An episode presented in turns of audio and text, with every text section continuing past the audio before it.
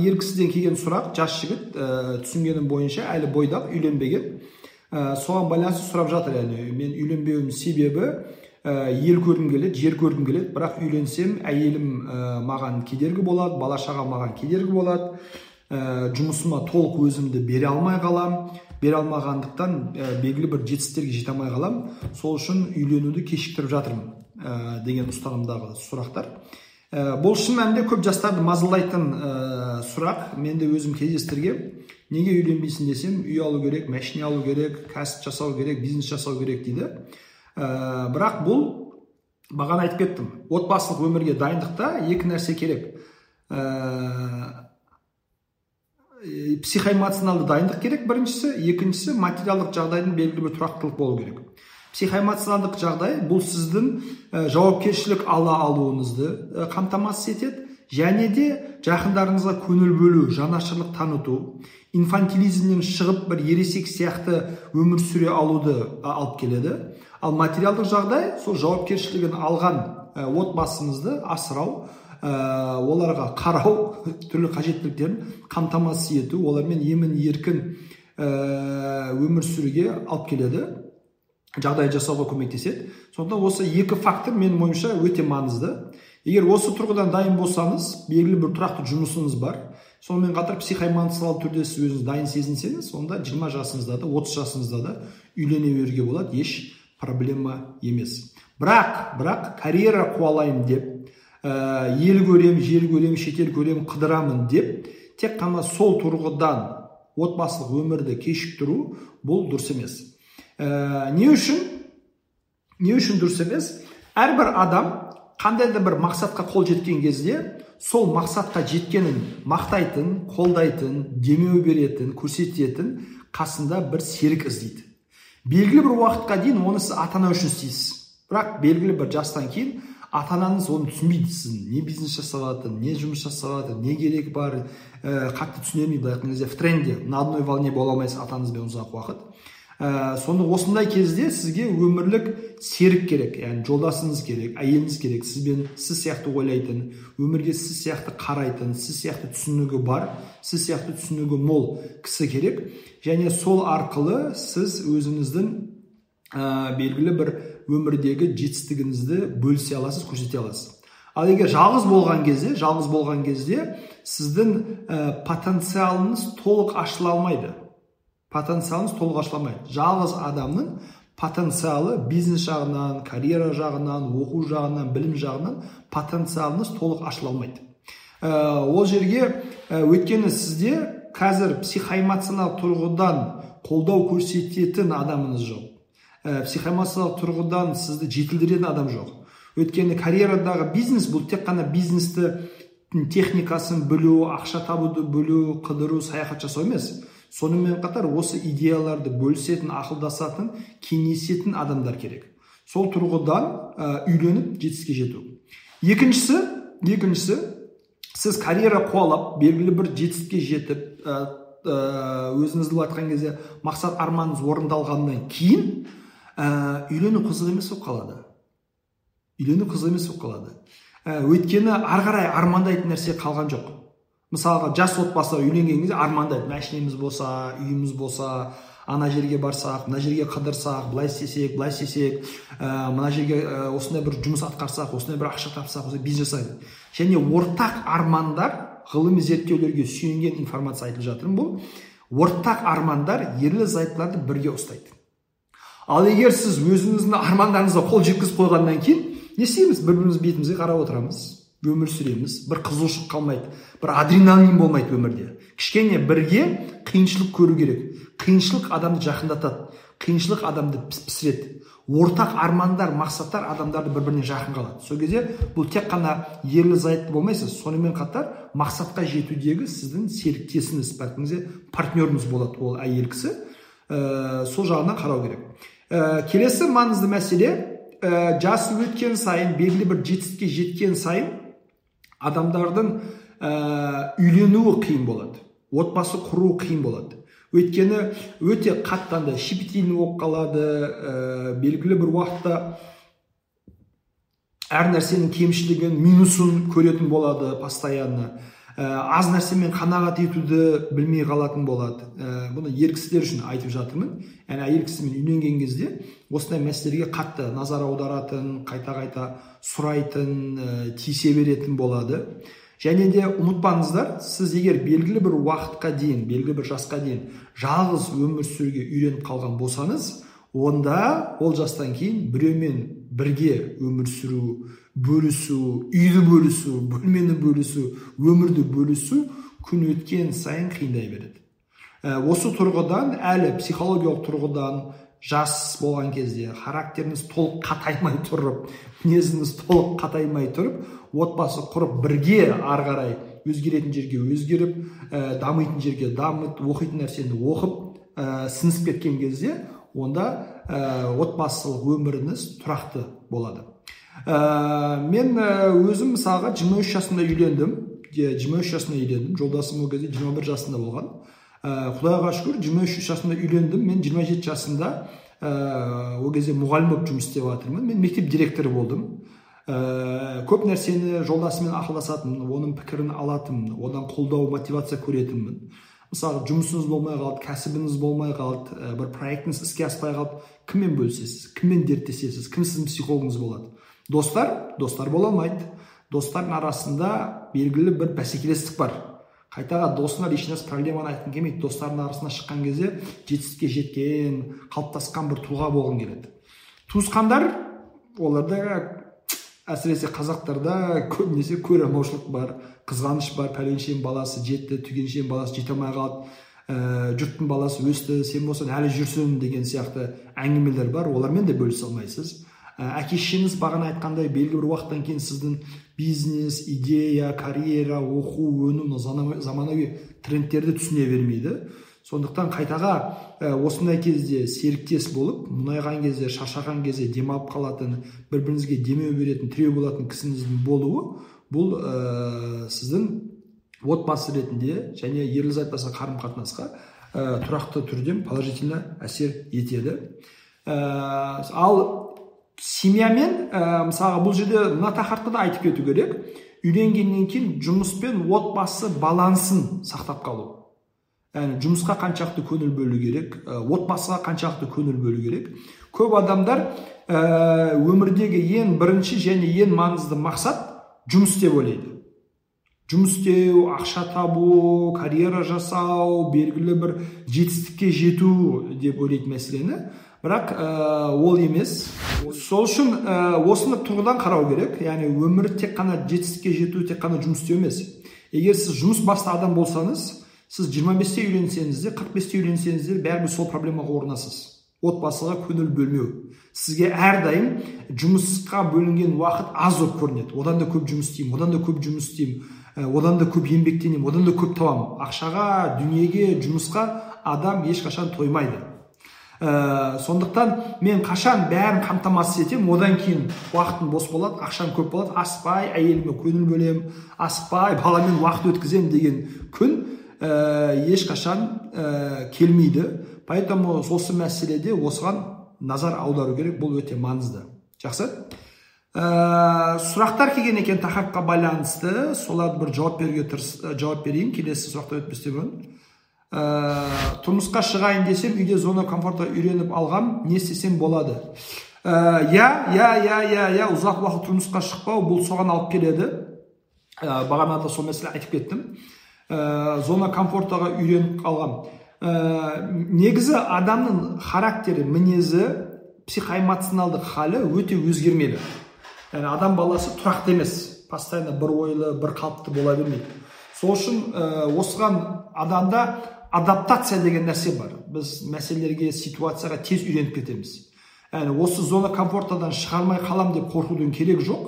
Қайтаға осы зона комфортаны ары қарай қалай сақтап қала аламын мысалға үйде тамақ істеу үй жинау біреуге қарау ол жағынан кішкене адам қиналуы мүмкін.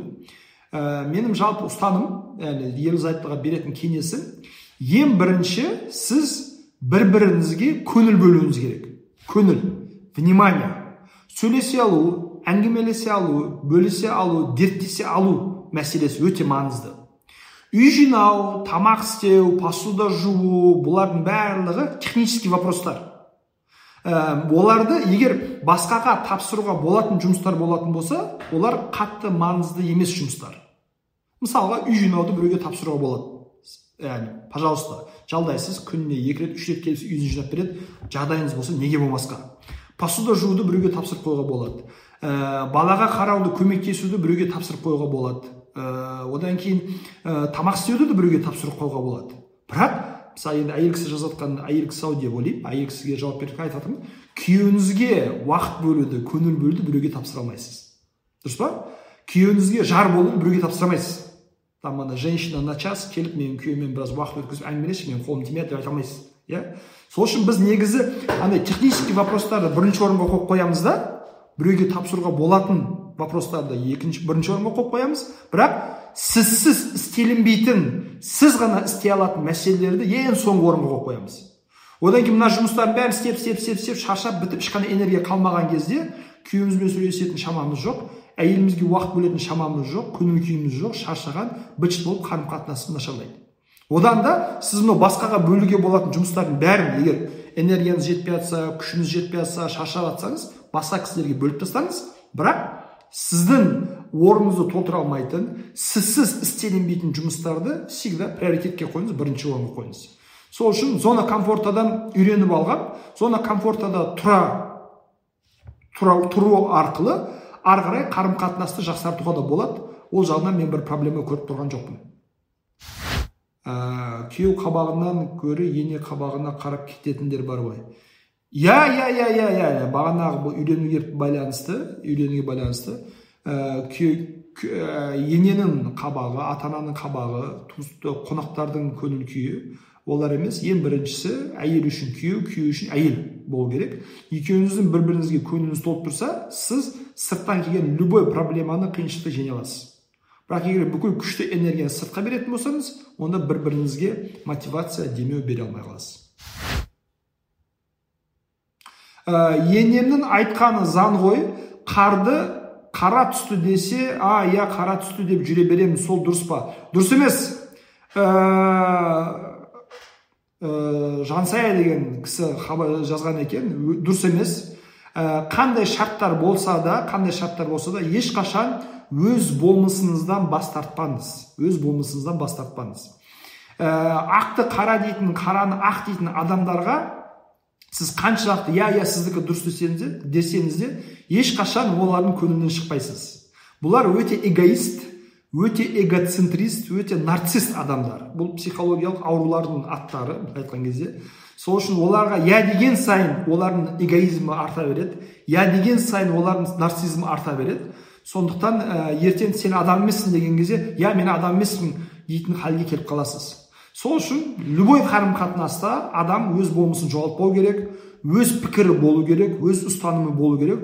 Мам сіз мынаны қара деп жатсыз бірақ негізі ол ақ дұрыстап қарасаңызшы деп айту керек. Немесе қарсы шыға алмасаңыз хотя бы үндемеңіз. А сондай ма? Мүмкін сізге солай көрініп жатқан шығар деу керек та. Бірақ менің жеке ойым бар менің пікірім бар менің ойымда мен ақымақ емеспін ғой әлі. Қара әрді қар әрдайым ақ болады қара болмайды деп өз өзіңізді еш болмаса жоғалта алмауыңыз керек. Ешқашан күйеуіңіз енеңіз атаңыз кім болса да ондай табынушылықтан ұзақ болыңыз. Бас, басымеңіз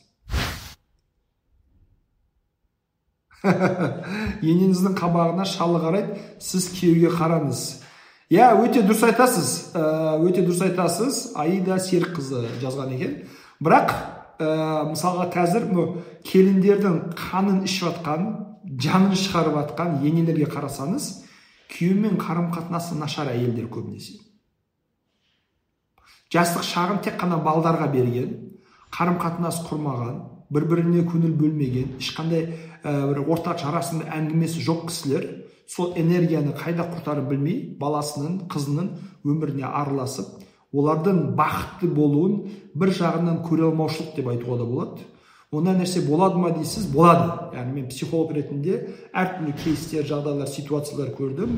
Туған аналар қыздарын қызғанады. Туған аналар ұлдарын қызғанады. Ұлдарының қыздарының бақытты болуын қызғанатын кісілерді мен ә, көрдім. Өз практикамда ондай оқиғаларды жиі естіп тұрамын өкінішке орай.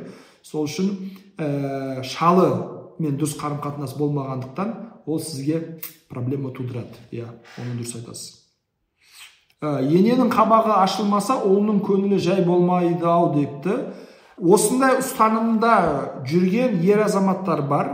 Егер бізді тыңдап жатқан ер кісілер бар болса ә, мұқият тыңдасын жоқ болса осы записьті соларға көрсетіңіз. Ә, сіз өміріңізде әркімнің орнын әркімнің орнын бөлуіңіз керек.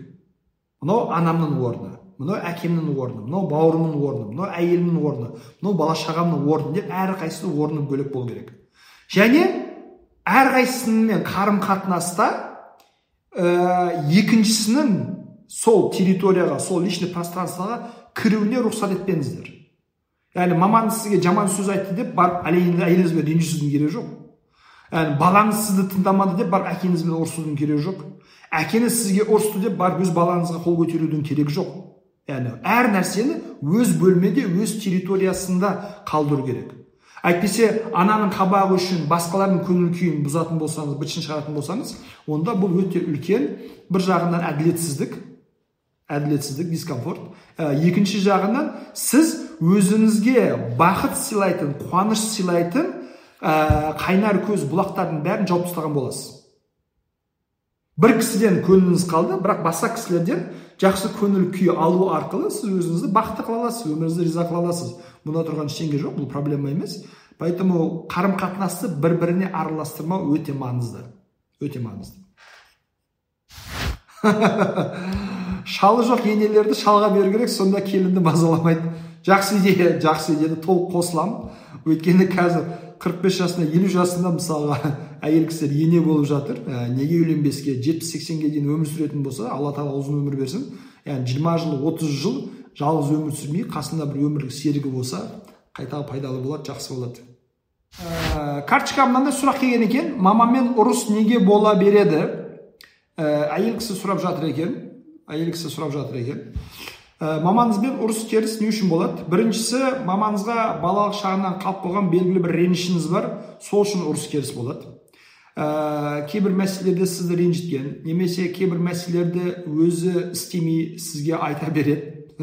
Мысалға еңбекқор бол дейді бірақ сіз мамаңыздың жалқау екенін білесіз. Өтірік айтпа дейді бірақ мамаңыздың өсек айтатынын білесіз.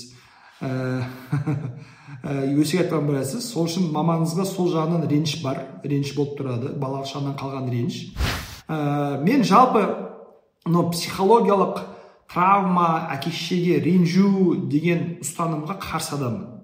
Қарсы адаммын. Ә, менің ойымша психологиялық травма мәселесінің кішкене преувеличивать етілген. Ә, бұл мәселені қатты былай рекламасы жасалып кеткен әркім өзінде бір травма іздеп тауып шұқылап бір жараларды тауып бере береді. Ә, бұны бір травма ретінде көреді. Өмір сүруге отбасылық өмірде жауапкершілік алуға сылтау ретінде көреді. Мысалы күйеумен дұрыс қарым қатынаста болу үшін ерік жігер керек. Бірақ біз ерінеміз. Ерік жігерімізді бергіміз келмейді еңбектенгіміз келмейді. Сөйтіп а менде травма мен кішкентай кезде әкеме ренжіп қалғанмын а менде травма мен ә, кішкентай кезде мені көп ұра берген мені көп ұрса берген деп соған сылтаулатамыз да жауапкершіліктен қашып жатамыз. Осыны ескеру керек. Ә, мамаңызбен ұрыс керістің себептері өте көп. Яғни ең жиі қандай ә, тақырыпта ұрысасыз ренжісесіз соны бір анықтап алыңыз. Және соның түбін балалық шақтағы реніштеріңізбен байланыстырыңыз. Сол кезде бұның себебін табасыз. Ә, жалпы айтқан кезде мамаңызбен не, не үшін ұрысатыныңыз ә, қатты маңызды емес. Өйткені енді адам болғаннан кейін мамамен ұрысасың папамен ұрысасың бауырыңмен ұрысасың әпкеңмен ұрысасың. Әріптесіңмен күйеуіңмен әйеліңмен ұрыса бересің ол проблема емес ұрыса беріңіздер адам болғаннан кейін келіспейтін жақтарыңыз болады. Бірақ үлкен кісілермен сөйлескен кезде мынаны ұмытпаңыз. Сіз олардың ойын өзгерте алмайсыз. Біріншісі. Екіншісі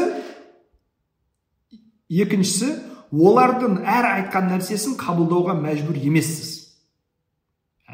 Сіз екі тарап бір біріңізге ақыл беру кеңес беру алатын жерін алыңыз пайдалы болмаған жерін алмаңыз және осы жерде келісу керек. Мам мен сізді сыйлаймын құрметтеймін жақсы көремін рахмет. Бірақ мен өзім шешім қабылдаймын.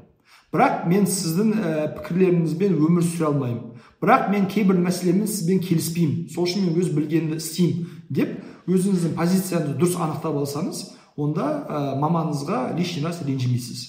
А так үлкен кісілерге құрмет болу керек.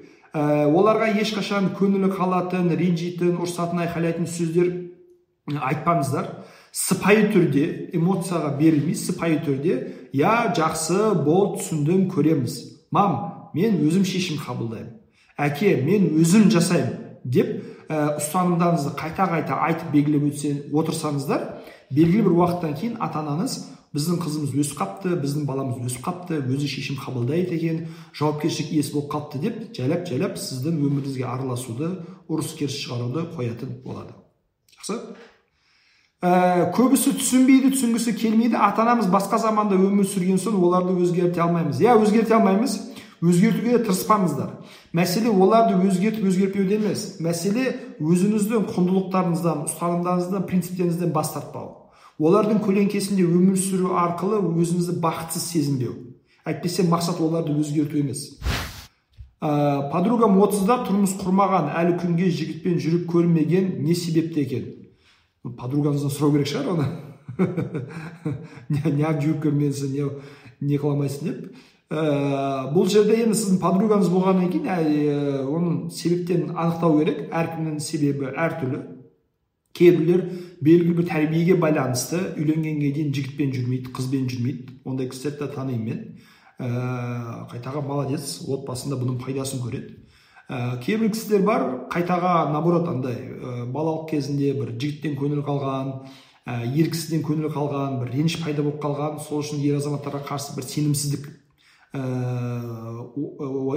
сенімсіздікпен қарайды сол үшін қарым қатынасқа ә, бармайды үйленбейді. Ондай кей мәселелер де бар. Бұл мәселені ә, психологпен жеке талқылау керек. Ә, рес жұмысқас ылғалы үйде отырып қалдым. Үш ай болды. Басқа жұмысқа шығуға қол байланып қалғанда ештеңе істей алмайтын сияқтымын. Шығаруға көмектесіңізші стресс депрессия ән айта алмай табыс болмай. Қазіргі таңда иә бұл ә, енді көп адамдар көп адамдардың жұмысы табысы осы карантинге байланысты әсерленіп қалды. Ә, бизнесі тоқтап қалғандар кәсібі тоқтап қалғандар болды. Ә, бұны бұл өте кең таралған жағдай ситуация. Бұған байланысты не істей аламын? Біріншіден біріншіден мынаны ұмытпаңыздар любой кризис бұл мүмкіндік. Любой кризис бұл мүмкіндік. Ә, сіз жұмысым тоқтап қалды бітті жұмыс істей алмаймын ақша таба алмаймын табысым тоқтап қалды өлдім қалдым біттім деп отыратын болсаңыз онда ешқашан сізге жақсы идея келмейді. Идея келмейді. Ә, ойымыздағы ойымыздағы миымызда шаршатып жатқан ойлардың барлығын мидан шығару керек. Яғни белгілі бір параққа бір қағазға төгу керек жазу керек. Мені не мазалап жатыр бір екі үш төрт. Бәрін төккеннен кейін бір парақта қарап отырған кезде олардың шешім жолы табу оңайырақ болады. Ә, сонымен қатар қалыптасқан жағдайды мына жағынан қарастыру керек. Бір мен бұған байланысты бір нәрсе істей аламын ба? Иә жоқ. Иә болатын болса ары қарай не істей аламын қашан істей аламын жоқ болатын болса значит бұл мәселені уайымдаудың переживать етудің қайғырудың мағынасы жоқ. Мен ештеңе істей алмаймын. Осы жағынан қарастырасыз. Любой проблеманы солай қарау мен бұған мына нәрсе істей аламын ба? Қолымнан келеді ма иә болатын болса не істеу керек жоқ болатын болса не істемеу керек. Екіншісі ә, қазір мына ютубта гуглда инстаграмда өзіңіздің салаңыздағы кісілердің еңбектерімен жұмысымен танысыңыздар. Яғни осы салада жұмыс тоқтап қалған тек қана сіз емессіз ғой. Сіз сияқты қаншама кісілер бар. Олар не істеп жатыр? Ә, идея ұрлау демей ақ қояйын да идея алмасу деп айтайын идея алмасу. Идея алмасып отыру керек. Басқалар не істеп жатыр қалай жасап жатыр өйткені олардың істеп жатқан істеріне қарап сізде одан да жақсы идея туындауы мүмкін. Одан да жақсы пікір келуі мүмкін. Сол арқылы а пәленше әнші онлайн ән беріп жатыр мысалы әртістердің бәрі бұрын концерт залдар толтыратын еді қазір не істеп жатыр тікелей эфирлерде ә, ютубтан ә, инстаграмнан инстаграмнан естіген жоқ көбінесе ютубтан ютуб лайв прямой эфирлерде Ә, өзінің өнерін бөлісіп жатыр халыққа жақсы көңіл күй сыйлап жатыр сонымен қатар үлкен компаниялар просмотр көп болғандықтан бұларға осы тұрғыдан ақша бөледі. Рекламаға ә, төлем жасайды. Сол жағынан табысты арттырып жатыр онлайн түрде қарастыра жатыр мәселені әрдайым позитивті шешім жолдарын қарастыру керек. Және ә, осыған байланысты адамдардан кеңес ақыл пікір алудан сескенбеңіз. Мен жұмысым тоқтап қалды не істерімді білмей жатырмын қалай ойлайсың? Кейбір кезде кейбір кезде өте қарапайым нәрселер ойымызға келмеуі мүмкін. Сырттан қараған адамдар проблеманың ішіне былай айтқан кезде езіліп кетпеген проблеманың ішінде тұншығып қалмаған адамдар сырттан қарап е былай істесейші мынандай күшті нәрсе бар ғой деп керемет кеңес бере алады. Сол үшін ақыл сұраңыз кеңесіңіз осы депрессиядан стресстен солай шығуға болады. Ә, өзін өзі тыңдай алмау туралы айтыңызшы. Қате екенін біліп тұрса да қайталау. Қате екенін біліп тұрса ә, өзін өзін тыңдай алмайтын адамдар өзін өзін неге тыңдай алмайды? Өзіне бір сөз береді соны орындай алмайды. Ә, значит қате екен. Ол жерде ерік жігер проблемасы бар. Сила воли деп айтады. Ерік жігер проблемасы бар. Ерік жігер жоқ. Дисциплина. Ерік жігер әлсіз дисциплина жоқ. Ерік жігерді арттыратын жаттығулар жасау керек. Ә, кішігірім қолынан келетін жұмыстардан бастап кішкентай жетістіктермен адамға өзіне сенімділік артады ерік жігері артады. Ә, сонымен қатар ерік жігер қалыптасу үшін бұл кісіні жалғыз қалдырмау керек. Адам жалғыз қалған кезде психологиялық тұрғыдан өте әлсіз болады. Мысалға еш арақ ішпейтін кісі арақ ішетін ортаға бара берсе міндетті түрде арақ ішіп кетеді. Өйткені бәрі ішеді сен ішпейсің бір рет ішпеймін дейсің екі рет ішпеймін дейсің үшінші рет жарайды бір дәмін көрейін дейсің төртінші рет ол күшті екен дейсің бесінші рет ол әлемге қалай ішіп кеткенін байқамай қаласың. Сол үшін адам жалғыз қалған кезде психологиялық тұрғыдан әлсіз болады. Мысалға ә, біз неден байқайтынбыз? Ә, мен бұрын мектепте жұмыс істейтін ә, мұғалім болған кезде ә, кейбір андай бұзықтау балдар болады. И бұл балдар көбінесе класстың алдында талпаның алдында мұғалімге қарсы шығады сөз қайтарады ерегіседі мысалға. Ә, бірақ бұл кісілерді сіз жалғыз алған кезде жүрші кабинетке бір сөйлесейікші деген кезде кәдімгідей бір тып тыныш мысық сияқты болып қалады. Ой ағай кешіресіз байқамай қалдым аузымнан шығып кетті. Екінші рет қайталамайды е кәдімгі бағана герой болып жатқан едің ғой десең сразу үндемей майысып қалады. Адам жалғыз қалған кезде жалғыз қалған кезде өте әлсіз болады. Сол үшін ерік жігердің қалыптасуы үшін ол кісіні жалғыз қалдырмау керек. Сол жаман әдеттен арылғанға дейін. Өйткені істемеймін дейді иә бір күн істемейді екі күн істемейді үш күн істемейді. Яғни ерік жігері соған жетіп отыр. Одан кейін ломка басталады. Істеуім керек жасауым керек күшті еді ғой неге жасамасқа деген кезде. Осы ломка болып жатқан моментті қасында серік біреулер болып жалғыз қалдырмай аттап өтуге көмектессе ары қарай өстіп өстіп өстіп жаңа бір характер жаңа мінез қалыптасады. Ә, более детально ол қандай әрекет екені бұл анда болатын әрекет па немесе әдет па зиянды әдет па оны ә, жекеге жазсаңыз психолог консультациясы арқылы көмектесуге болады. Жігіттің мінезін қалай білуге болады болашақ жар ретінде ә, жігіттің екі нәрсеге қарау керек. Біріншісі жауапкершілік екіншісі мейірім. Мейірім доброта жанашырлық бар ма? Ә, танысып жүрген кезде қараңыз мысалы қайыршыларға садақа береді ма? Ә, мысалға бір жерде бір мысықтың бір иттің батып кеткенін қайтыс болғаны туралы видеолар фотолар қарашы мына жерде мынандай мысық мынандай болыпты деген кезде. Реакциясын көріңіз. Ештеңе кетпейді не болды мал ғой десе де значит бұл адамда мейірім жоқ. Ей қара африкада адамдар аштан өліп жатыр қиын жағдай болып жатыр қара халқымыз ауырып жатыр иә деген кезде иә білейін өте жағдай қиын жағдай деп мейірім көрсете алса жанашырлық таныта алса бұл сенімді кісі деген сөз. Егер тып етпей ештеңе етпей өздері виноват ей қойшы не қыласың е деп тұратын болса значит бұл сіздің адамыңыз емес бұндай ер кісілерден ұзақ болу керек. Ә, екіншісі ә, ашулануына байланысты байланысты жігіт пен қыз кездесіп жүрген кезде жігіттер көбінесе ә, сүйісейік құшақтасайық интимге шақырады мысалы әйелді қыздарды көбінесе. Сол кезде отказ берген кезде реакциясын қараңыз. Ашуланып жынданып айқайланып жатса бұл адамнан қашу керек. Значит өз өзін ұстай алмайтын жауапкершілік иесі жоқ мейірімі аз ә, кісі екен. Маған үнемі үйленген ер азаматтар кездеседі не үшін ондай болуы мүмкін?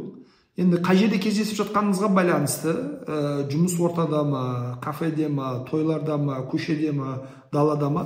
Соған ә, назар аударып қарау керек. Ә, а так ол сіздің бір проблемаңыз болған үшін емес.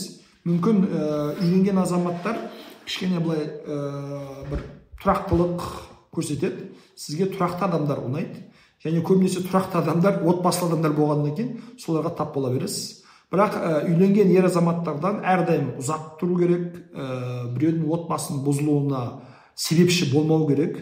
Ә, бұл жерде психологиялық тұрғыдан ә, мысалға бір басқа бір әйел үшін ажырасқан ер азаматтар өмірі өзіне сенімсіз өмірге көңілі толмайтын қанағатсыз жүреді ертең сіздің басыңызға өзіңізге проблема болады.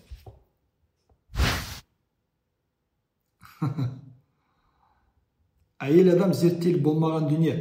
Ә, бір біріңізге енді қарап жатсам уже бір біріңізбен әңгімелесіп жатсыздар деген жатыр екенсіздер. Күшті.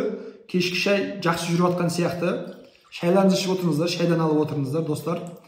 Ә, негізі ғылыми зерттеулерге сүйенетін болсақ қырық жылдық отбасылық қарым қатынасты ерлі зайыптыларды зерттеген ғылыми жұмыстар бар. Ә, оларға сүйенетін болсақ ерлі зайыптылар ерлі зайыптылар отбасылық қарым қатынаста жетпіс процент бірдей нәрсе қалайды екен. жетпіс процент бірдей нәрсе ә, әйел бөлек адам венерадан түскен еркек бөлек адам марстан келген ана венера марс кітабы бар ғой. Ә, бұндай ұстанымдар көбінесе миф. Яғни ешқандай нақты бір дәлелге зерттеуге ә, сүйенбеген ешқандай бір ғылыми тарапы жоқ. Сондықтан бұл көбінесе миф. Біз сол мифке сеніп а мен сені өмірі түсінбеймін сен менің өмірімді түсінбейсің деп бір бірімізді алдап жүреміз. Негізі әне, әйел еркек деп қарағаннан гөрі адам ретінде қарасаңыз онда көп жағдайларда бір біріңізді түсінесіз. Мысалға сізге біреу өтірік айтса ұнайды ма? Ұнамайды. Өтірік айтпаңыз. Сізге біреу көзіңізге шөп салса ұнайды ма? Ұнамайды. Шөп салмаңыз. Сіз қайғырып отырған кезде көңіліңіз болмаған кезде ә, қолдау мотивация поддержка күтесіз ба? Соны көрсетіңіз. Бұл еркекке де әйелге де бірдей тиесілі нәрселер онда қатты бір айырмашылық жоқ. Адам ретінде қараған кезде көп нәрсе ә, түсінікті болады. Күйеумен бірге еркін тақырыпта әңгіме айтып отыра алмаймыз. Үнемі үнсіздік. Бұл қаншалықты қауіпті болашақ өмірімізге. Ә, өте қауіпті. Өйткені өмірлік жарын серігін дерттесе алмасаңыз бөлісе алмасаңыз сөйлесе алмасаңыз бұл өте үлкен проблемаларға алып келеді. Ә, өйткені дерттесіп көңілдес болып сөйлесіп әңгімелесе алмау әңгімелесу то есть бұл бір қажеттілік. Бұл бір люкс нәрсе бір экстра бір қосымша нәрсе бір аспаннан айдан ә, аспаннан жұлдыз алып беру емес. Бұл қажеттілік мысалға. Демалу қажеттілік па қажеттілік? Су ішу қажеттілік па қажеттілік? Тамақ жеу қажеттілік па қажеттілік? Кешіресіз дәретханаға бару қажеттілік па қажеттілік? Ерлі зайыптылар бір бірімен әңгімелесу бұл бір қажеттілік. Егер бұл қажеттілік отбасы ортасында қанағаттандырылмайтын болса берілмейтін болса онда күйеуі немесе әйелі белгілі бір уақыттан кейін осы қажеттілікті сыртта іздейді. Өзіне көңілдес іздей бастайды. Немесе уже тауып қойған әңгіменің бәрі сыртта бітіп қойған ішке келген кезде әңгімелесетін жағдай жоқ әңгімелесетін қызығушылық жоқ. Сонымен қатар тағы бір маңызды фактор бұл ерлі зайыптылардың ұзақ уақыт ұрыс керіс айқай шу реніш болып белгілі бір обидалар сақталған кезде әңгімелесу сөйлесу қиын болады. Сол үшін ә, егер обидалар бар болса жақсы бір отбасы психологқа көрініңіздер. Ә, сол арқылы жұмыс істеп мынау отбасының араңыздағы махаббат сүйіспеншілік шоғын үф, деп қайтадан бір лаулатып жандырып жіберіңіздер. Ата қауіпті сөйлеспесеңіз.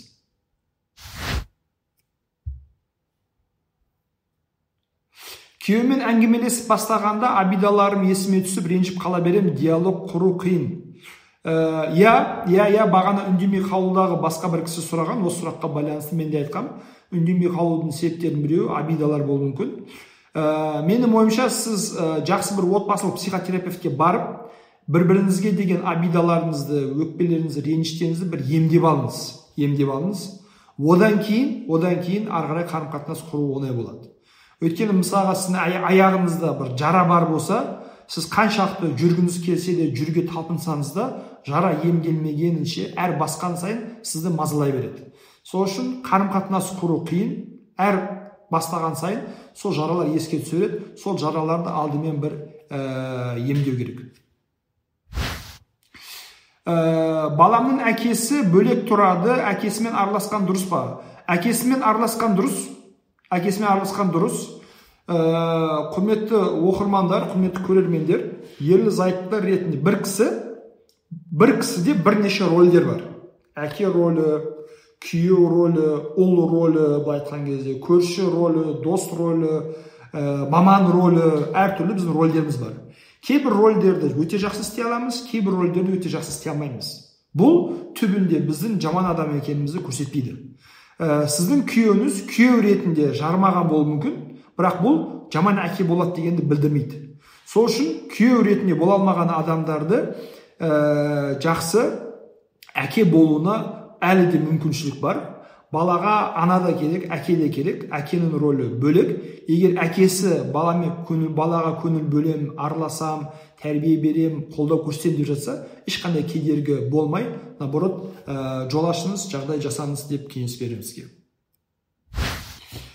Ә, неліктен ер кісі изменаны қайталай береді? Кешірім сұрап қойдым дейді сосын қайта бастайды. Ә, енді бұны жазып жатқан кісіге мен айтайын. Ә, біріншіден қайта қайта измена жасайтын ер кісімен тұруға болмайды. Кетіңіз ажырасыңыз бөлек тұрыңыз өзіңізді сақтап қалыңыз. Ә, сіз қайта қайта измена жасатқан адаммен әлі тұрып жатсаңыз ол конечно қайта қайта измена жасайды. Өйткені сіз біріншіден өзіңізді құрметтеп жатқан жоқсыз өзіңізді сыйлап жатқан жоқсыз. Өзіңіздің бір ар намыс абыройыңыз жоқ. Өзіңізді таптап тряпка қылып тастағансыз. Оны көреді да күйеуім жақсы әйел екен ғой балаңа да қарап береді тамағыңды жасап береді үйіңді жинап береді киіміңді түктеп береді жуып береді. Сен барып измена жасай бер. Одан кейін ой кешірші байқамай қалдым болып қалды дейді да ары қарай өмір сүре береді. Яғни ә, әр нәрсенің белгілі бір бағасы бар. Ә, яғни қателікті де қателікті де қаншалықты қиын кешірілсе ол қателікті қайталау соншалықты қиын болады. Егер қателік оңай кешірілетін болса ол қайталана береді. Адам психологиясы сондай адам психологиясы сондай. Мысалға ә, сіз машина айдап бара жатырсыз машина айдап қатты машина айдауды ұнатасыз. Машина айдап бара жатқанда мысалы штраф келді сізге. Сізге күніге мың теңгелік штраф келе беретін болса е қойшы мың теңге ғой төлей беремін дейсіз да барып басып нарушение жасай бересіз. А бірақ отыз мың қырық мың елу мың жүз мыңдық штрафтар бір екі рет келсін бір рет келсін бір рет келсін құрсын жай жүремін. Тыныш жүремін жан жағымды байқап жүремін дейсіз яғни қателіктің ә, бағасы төлемі ә, беделі қаншалықты ә, ауыр болатын болса адамның соны қайталауы соншалықты аз болады поэтому наоборот күйеуіміз бірінші измена жасаған кезде кетіп қалу керек еді ажырасу керек еді бөлек тұру керек еді әбден ойбай кешір өлем күйем сүйем қал кет қайт деген кезде ә, а жарайды деп бара салмай екеуіңіз бірге психологқа бару керек мысалға мен ерлі зайыптаста проблемалар қайталанатын проблемаларды зерттеп қараған кезде көбісі проблеманы кешіріммен жаба салады. Бірақ проблеманың түбіне түспейді. Не үшін бұл? Яғни егер измена болып жатса мүмкін төсек қатынасына көңілі толмаған шығар немесе сырттағы ортада ерік жігері бір әлсіз болып жатқан шығар құмарлығын арттыратын нәрселер болып шығар мүмкін порно фильмдер көп көретін шығар білмейміз әлі. Ол өзінің ішіндегі жан дүниесі ғой. Бұны зерттеп шығарып тазалап ана жараны емдемегенше ол оны қайталай береді. А ерлі зайыптар кешір кешірмен қоя салады да жүре береді. Одан кейін е мынау біліп қойса ренжиді істемеймін демейді қалай білдірмей істесем екен? дейді. Көрдіңіз ба проблема қайда? Істемеймін емес қалай білдірмей істесем? Түф ұсталып қалдым ғой ұсталмағанда жақсы болар еді деп жүре береді мысалға. Поэтому наоборот күйеулеріңізді әйелдер де болуы мүмкін әйелдер де болуы мүмкін. Отбасы проблемада ә, барып барып күйеумен мына проблема болды ма? Жүр психологқа барамыз емделеміз көрінеміз. Менде проблема бар болса мен өзімді түзеймін. Сенде проблема бар болса сен өзіңді түзейсің. Екеуміздің арамызда бір нәрсе жетпей жатса сырттан маман ретінде біреу айтсын ә, назначение берсін сол бойынша жұмыс істейміз. Отбасы керек болатын болса осыдан келіседі. Отбасы керек болмайтын болса ондай адам сізге де керек емес. Ну здесь әңгіме коротко ясно болу керек. Күйеуім басқа жерде әзілдеп көңілді отырады маған келгенде серьезный сөз көтере алмайды. Неге? Ә, біріншіден күйеуіңізбен ә, бұл ә, енді кейбір адамдарда психологиялық сондай бір ой қалыптасқан стереотип бар. Әйелмен әзілдемеу керек серьезный болу керек. Ә, әйеліне күлсең басына шығып кетеді еркелеп кетеді. Сәл күлсең көп нәрсе сұрай бастайды. Лучше былай на поводу ұстап тұрайын бір ит сияқты бір жануар сияқты. Қатты жақындатпасам мені былай о құдайындай көреді деп. Сондай бір қате стереотип бар. Ә, өзіңізді қатты бір шаршатудың керегі жоқ. Просто күйеуіңізді шақырып алып сөйлесу керек нормально. Саған не болды? Яғни сен мен сен кім мен сен үшін кіммін? Сол айтшы маған.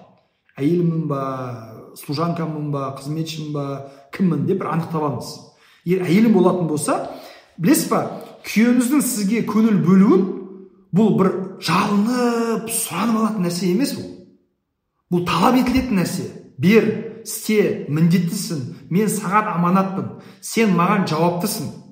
Қайтаға әйел күйеудің көңілін табу емес күйеу әйелдің көңілін табу керек. Өйткені әйел күйеуге аманат өйткені күйеу әйелді алып жатыр.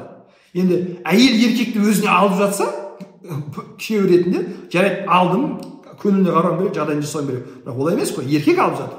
Алып жатқаннан кейін отағасы болғаннан кейін отбасыда басшы болғаннан кейін қол астындағы барлық отбасы мүшелерінің көңіл күйі оның тікелей жауапкершілігі және міндеті. Сол үшін көңіл күй бұл ә, жалынып сұранатын нәрсе емес. Сөйлесіңіз саған не болды? Неге жұрттан бері жылтың жылтың менімен бір сөйлеспейсің? Қандай проблема? Давай отырайық сөйлесейік. Егер осылай сөйлесе алмайтын болсақ осы жерде отбасын қоя салу керек. Жоқ отбасы керек болатын болса тогда сөйлесуді үйренуіміз керек деп нақты талап қойыңыз. Ер кісілер нақтылықты жақсы көреді. Мүмкін сіздің осылай мұңайып қиналып жүргеніңізді байқап жатқан да шығар. Нақты конкретно сөйлесіңіздер қорықпаңыздар бұл сіздің күйеуіңіз. Енді құдайым өткенде айттым ғой мен күйеу әулие емес яғни құдай емес патша емес. Сіз құқық тұрғыдан бір біріңізбен теңсіз тең тұр тең болып әңгімелесе аласыз дертіңізді проблемаңызды айта аласыз. Ә, барлықтарыңызға қайырлы кеш сәттілік ауырмаңыздар. Ә, бүгінгі кешкі шайымыз ә, сіздерге ә, ұнаған деп ойлаймын маған ұнады сізбен кешкі шай ішу ертеңгі кешкі шайда көріскенше аман болыңыздар сәттілік ауырмаңыздар